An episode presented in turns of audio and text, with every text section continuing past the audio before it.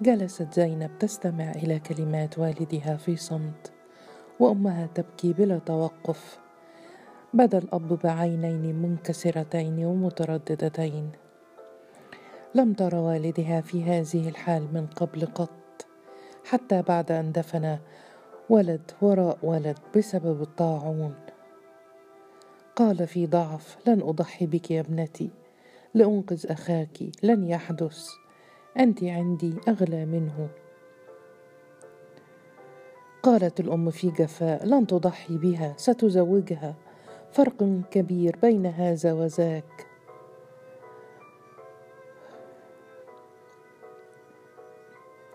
ربطت فاطمة ابنة خالد زينب على كتف خالتها وقالت اهدئي يا خالتي أحمد بخير أنا متأكدة. ولكن الأم لم تتوقف عن البكاء.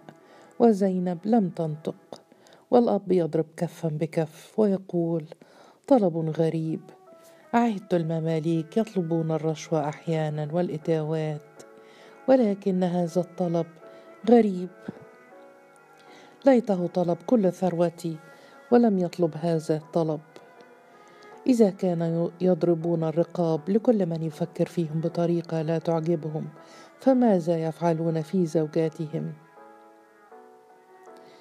لا أتخيلك مع مملوكي. أين رآك؟ أين رأيته؟ أتعرفينه؟ لم تنطق زينب انكمشت داخل نفسها كما تفعل في لحظات العجز. عاصرت الكثير من العجز مؤخرا والموت واليأس. ولم يكن قد تبقى على اجتماعها بحبيب عمرها سوى أسبوع. جهزت كل شيء اشترت كل الملابس والآثاث. ووضعت الحناء وتكلمت مع والدتها على ليلة الدخول بالزوج وفقد العذرية. وماذا سيحدث وما سيكون؟ وما يجب عليها فعله وقوله. كانت لحبيبها بعقلها وروحها.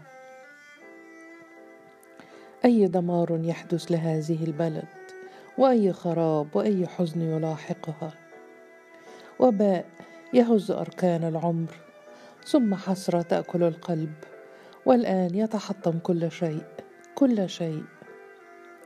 لو لم تخرج في هذا اليوم المشؤوم لو لم يرها الأمير لو لم يذهب خطيبها للقائها لو لو. الندم عادة غير مجدي والمحن تحتاج إلى عقل مدبر وسريع الفهم والتأقلم. ربطت على يد والدها ثم قالت أبي إثبت. لا بد أن هناك مخرجا. قال في حسم لن أزوجك الأمير وليفعل ما يفعل. صاحت الأم في عصبية ستتزوجه لا بد أن تتزوجه. يقتل ابني لو لم تتزوجه. هي البنت وهي تضحي لدينا ابن واحد. قال الأب وابنة واحدة قالت الأم لن تموت. قال الأب سيقتلها كل يوم آلاف المرات.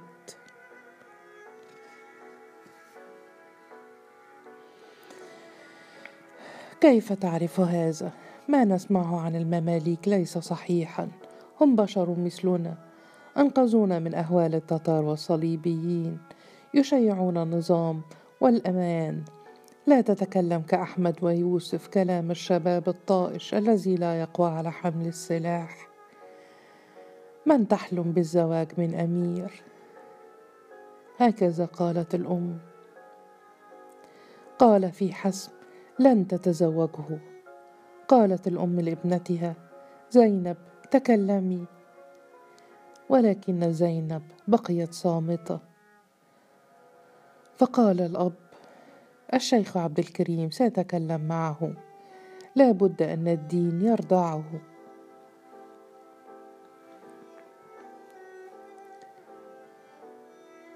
الشيخ عبد الكريم كان فصيحا وذكيا مع أنه لم يتم الثلاثين بعد.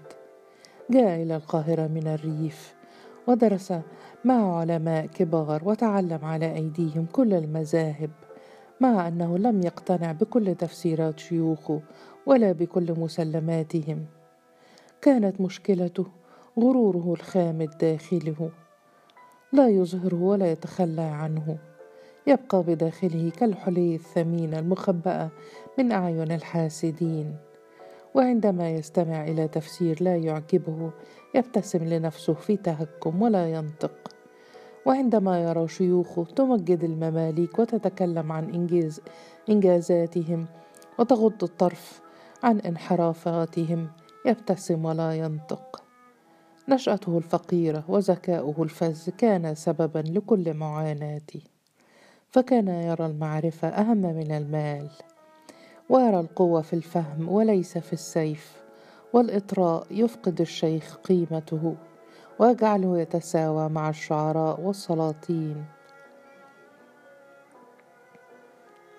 ومع كل فراسته كان حكيما لا يتسرع في نقد أحد العلماء أو الأمراء.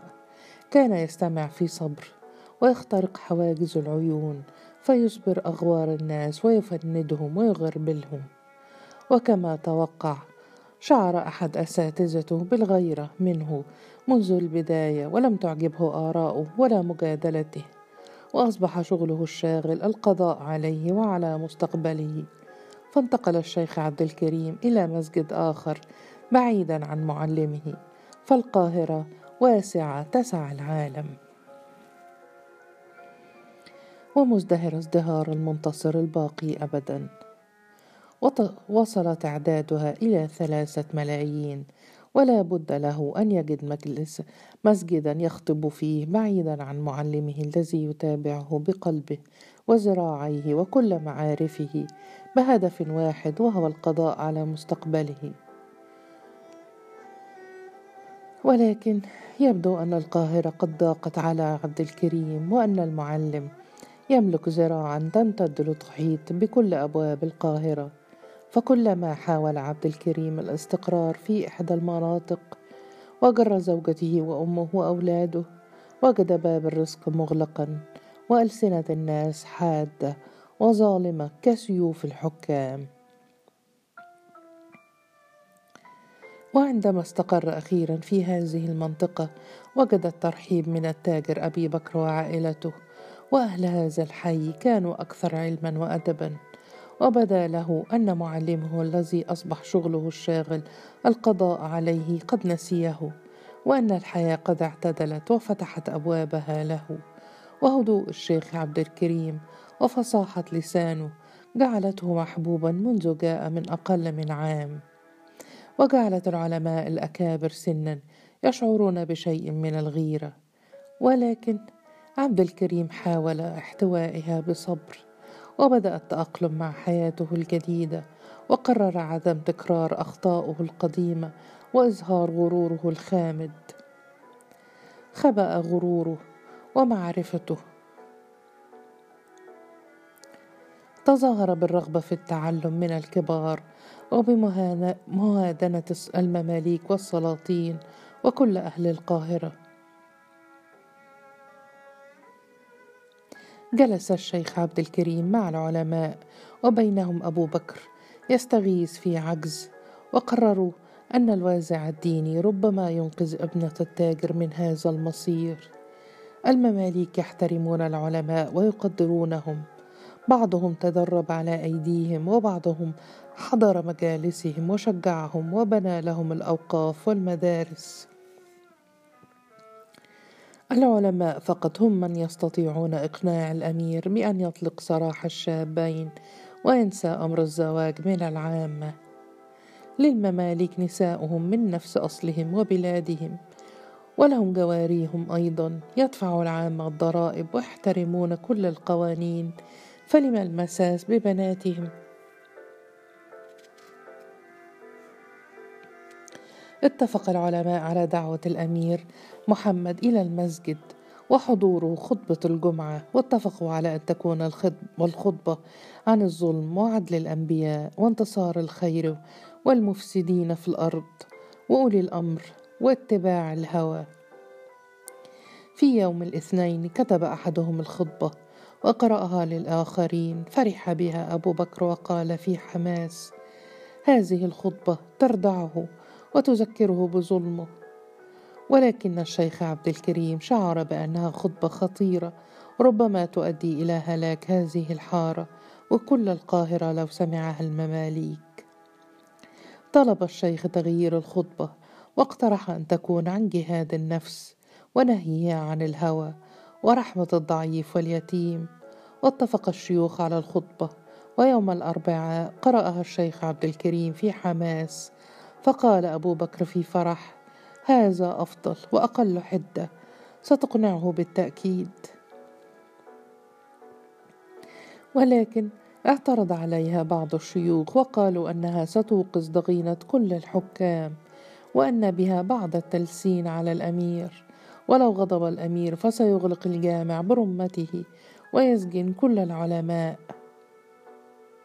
وتقديم المظالم للسلطان ليس بالأمر السهل وخاصة في هذا الوقت الذي يشوبه الغموض ولا يدري العامة بالضبط من هو السلطان.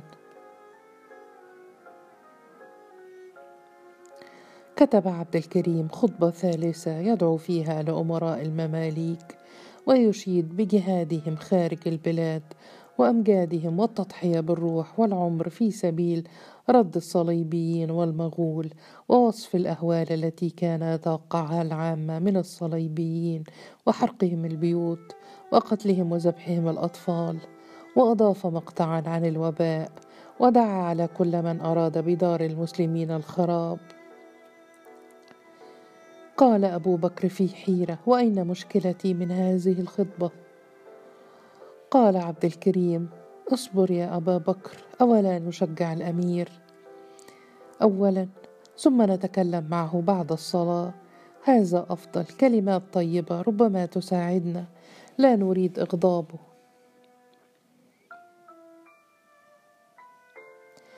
عند جلوس الأمير محمد وحوله جنوده داخل الجامع اتجه إليه أبو بكر. ناكس الرأس وقال أطمع في عفوك وكرمك. نظر إليه الأمير ثم أدار وجهه وسأل عن حال الشيخ عبد الكريم وسأله إذا كان يحتاج أي شيء وطلب إليه أن يدرس الدين لكل البلد وأن يجتهد في العلم وقال إن المماليك سيبذلون كل الجهد والمال في هذا السبيل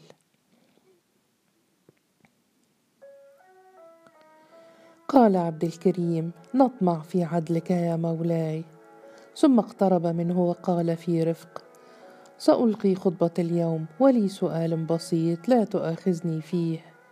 فقال اسأل يا شيخ. فقال عندما أدعو للسلطان أدعو لبيبرس أم أدعو للناصر محمد بن قلاوون؟ فقال الأمير ماذا تفعل عادة؟ فاجأه السؤال ولم يجب الشيخ فأكمل الأمير محمد أم إنك عادة لا تدعو للسلطان في خطبة الجمعة؟ أتدعو للسلطان أم لا يا شيخ عبد الكريم؟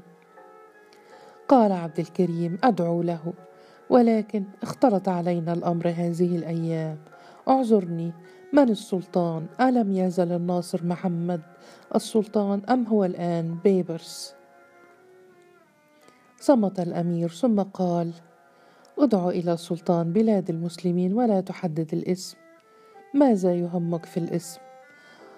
هل تفرق مع العامة لو كان السلطان محمد أو بيبرس؟ اترك هذا الشأن للمماليك. وحيوا أنتم في سلام. في زمننا يا شيخ ضاع البيت واحترقت المكتبة وهدم الجامع ولم يتبق من بلاد المسلمين. سوى ما أنقذه المماليك.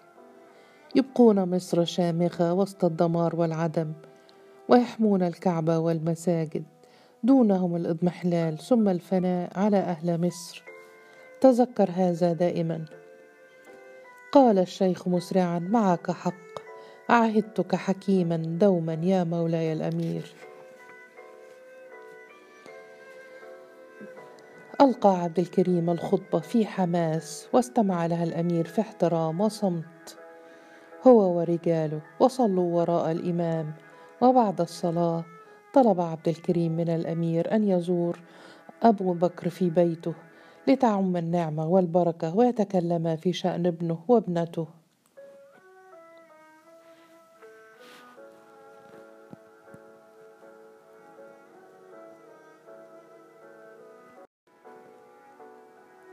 نظرت فاطمة ابنة خالد زينب وزينب من مشربية مشربية في الطابق العلوي وقلبها يدق بصوت يصل إلى ساحة الدار.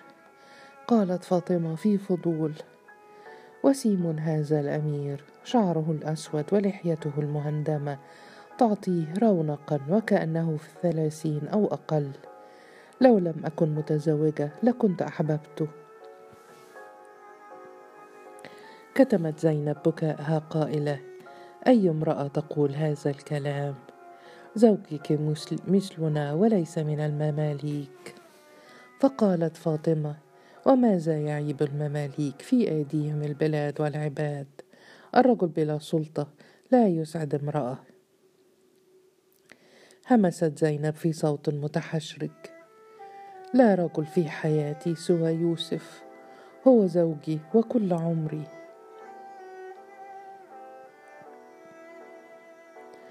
بعد أن تكلم الشيخ عبد الكريم وقرأ آيات من القرآن قال في رفق أتسمح لي يا مولاي أن أتكلم بحرية؟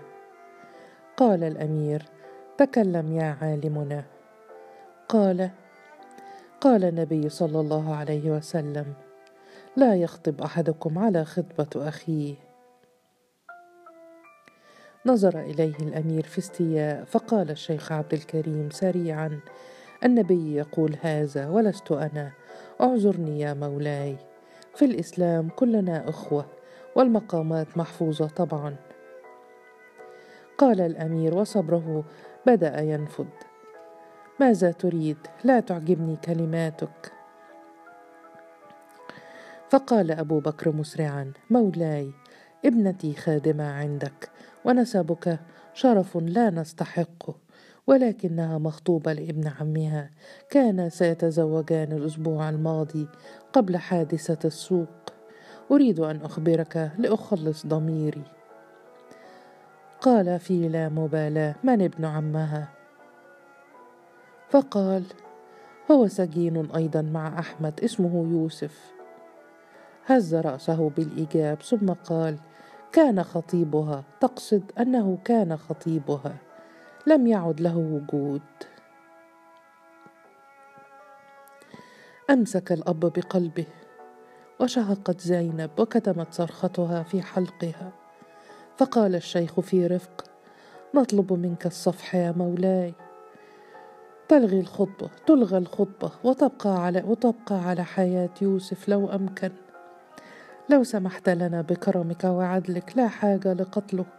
هو وحيد أمه.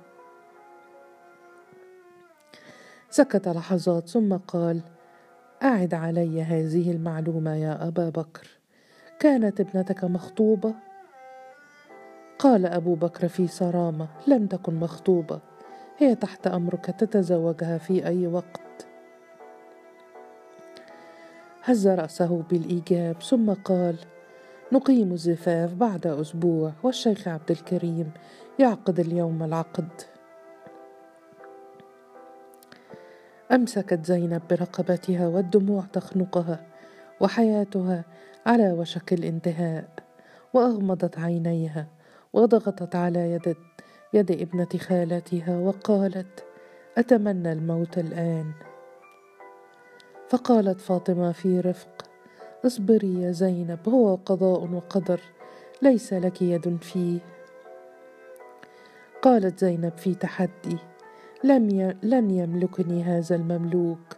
هو مملوك وأنا حرة أقسم لك أنه لن يملكني. زوجي يوسف وليس لي زوج غيره. الله لا يرضى بالظلم. قالت فاطمة في خوف ماذا ستفعلين؟ لو رفضت لقتل يوسف وأحمد اليوم.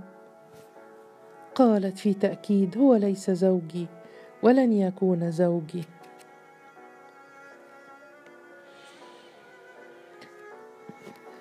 فسألتها ستقولين هذا عندما يسألك الشيخ؟ صمتت لحظات ثم قالت ربما. قالت أمها في حسم وتقتلين أخاك وابن عمك ستتزوجينه وإلا قتلتك بيدي. بقيت ساكنة لو ماتوا لانتهوا ولو ضحت بنفسها لعاشت معذبة ابدا. بدأت الأم تضرب على خدها وتنعي حظها دخل الأب في خطى ثابتة ومعه الشيخ عبد الكريم. وضعت خمارها على رأسها. قال الشيخ في رفق أنت شجاعة يا أختي هكذا يقول والدك. قالت بصوت خافت هذا فوق احتمالي يا شيخ. فقال في صبر وهو ينظر إلى والدها. ليس فوق احتمالك. الله لا يكلف النفس إلا طاقتها. هو ابتلاء ولكنه ليس فوق احتمالك. قالت في ترجي هل يمكن إقناع الأمير؟ لو نعطيه كل ما نملك أي شيء.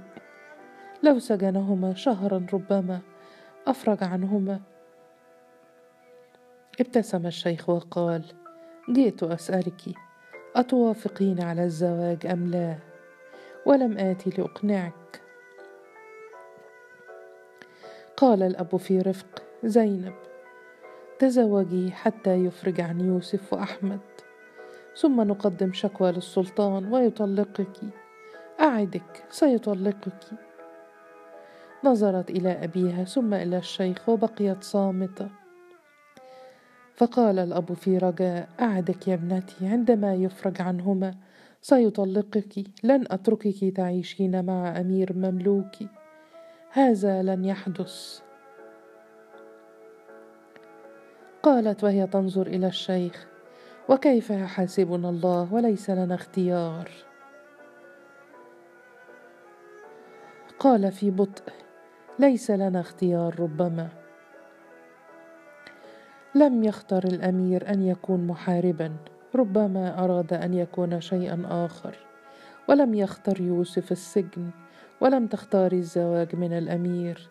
ولكن لديك الفرصة لاختيار حياتك بعد هذا. قالت في حسم لا حياة لي بعد هذا. قام الشيخ وقال لا أستطيع التأخر عن الأمير. لا يتسم امراء الاماماليك بالصبر. ماذا أقول له؟ لك الحق ألا توافقي.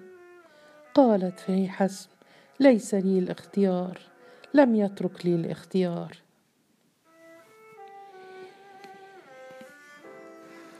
قال الشيخ إذا صارت حياتنا كما نريد بالضبط فأين الابتلاء؟ تأخذ منعطفا مختلفا أحيانا ولكن اصبري واجتهدي. لا بد أن هناك مخرجا. وابحثي عن السكينة بداخلك يا أختاه. كل من يلجأ إلي يبغي السكينة ولا يجدها عندي.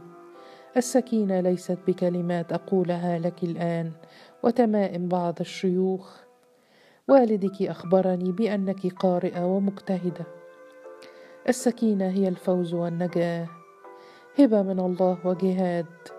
ولا تنسي أن ترددي. ألا بذكر الله تطمئن القلوب؟ قال الأب مسرعا لو أساء معاملتها نتكلم مع من يا شيخ؟ لا أهل له ولا بلاد. نتكلم مع السلطان. كيف؟ هل يمكن أن أطلب منه ألا يسيء معاملتها على الأقل؟